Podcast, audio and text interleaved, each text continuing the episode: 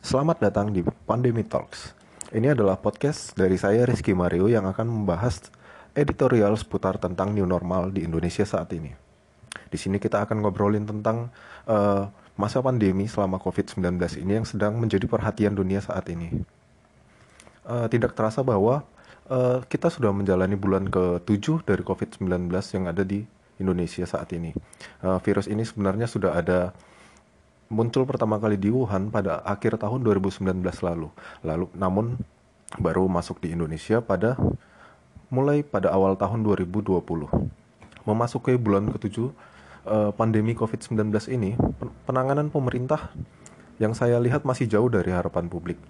Uh, pemerintah dianggap uh, tidak dapat menuntaskan permasalahan-permasalahan serta dampak yang ada yang disebabkan oleh pandemi ini um, sejauh ini dari data yang telah saya dapatkan terdapat 311.000 kasus yang menjadi positif COVID, sedangkan yang sembuh sebanyak 236.000. Dan data yang meninggal menunjukkan bahwa 11.374 jiwa. Uh, untuk membahas lebih jauh, mari ikuti podcast ini untuk seterusnya.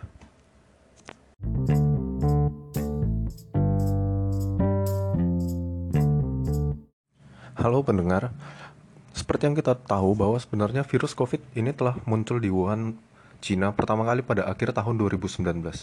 Namun, di Indonesia sendiri, virus ini mulai marak penyebarannya semenjak Maret 2020.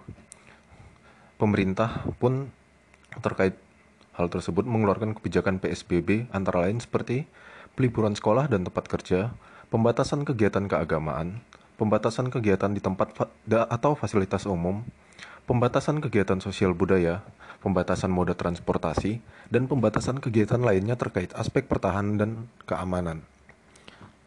Namun, uh, di saat yang bersamaan juga, kondisi perekonomian nasional di masa pandemi ini memburuk pada 2020 hingga akhirnya pemerintah mengeluarkan Perpu nomor 1 2020 yaitu tentang kebijakan keuangan negara dan stabilitas sistem keuangan untuk penanganan pandemi coronavirus disease dalam rangka menghadapi ancaman yang membahayakan perekonomian nasional.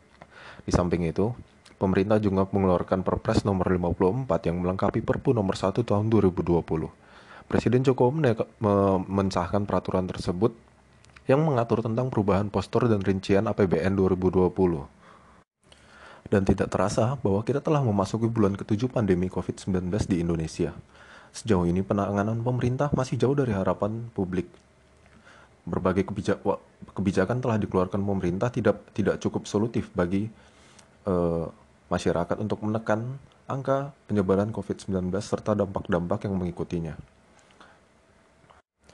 Semenjak Maret hingga akhir hingga awal Oktober 2020 saat ini, grafik jumlah positif kasus COVID terus meningkat tanpa menunjukkan tanda-tandanya akan segera menurun. Melalui data-data yang telah papar, saya paparkan sebelumnya, sebenarnya pemerintah di sini telah serius menanggapi isu tersebut dengan uh, mengeluarkan berbagai peraturan dan perpu yang dinilai dapat menekan angka penyebarannya. Namun di samping itu, saya juga melihat bahwa sebenarnya pemerintah masih mengutamakan keselamatan ekonomi jika dibandingkan dengan kesehatan masyarakatnya. Permasalahan inilah yang kemudian akan menjadi PR besar tidak hanya untuk pemerintah namun juga untuk masyarakat di Indonesia. Karena seperti yang kita tahu bahwa masyarakat saat ini belum terlalu fokus terhadap permasalahan yang ada di Indonesia ini yaitu terkait kasus COVID-19. Masih banyak masyarakat-masyarakat yang dengan bebas menjalani hari-hari seperti biasanya tanpa menerapkan kebijakan new normal yang ada di Indonesia. Oleh karena itu, pemerintah di sini sebagai pemegang kebijakan seharusnya dapat lebih bijak dalam menerapkan kebijakan yang telah disampaikan sebelumnya dan tidak menganggap remeh penyebaran virus COVID-19 ini di Indonesia. Sejauh ini, belum dapat dipastikan kapan pemerintah dapat menekan angka penyebaran COVID-19 ini. Seperti yang kita tahu, bahwa angka penyebaran dan korban dari virus ini terus menaik di Indonesia. Hal tersebutlah kemudian yang seharusnya menjadi evaluasi bagi pemerintah untuk meningkatkan sistem kesehatan di Indonesia dengan memperbaiki fasilitas pelayanan kesehatannya. Uh, seperti yang kita tahu bahwa media juga menyoroti bahwa fasilitas kesehatan di Indonesia dinilai cukup kurang untuk menampung berbagai korban dari virus ini.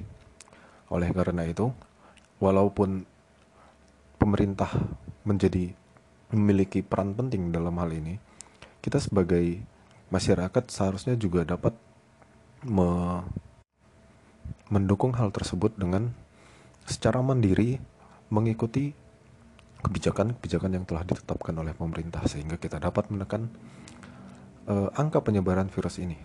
Sekian editorial dari saya Rizky. Terima kasih telah mendengarkan podcast ini.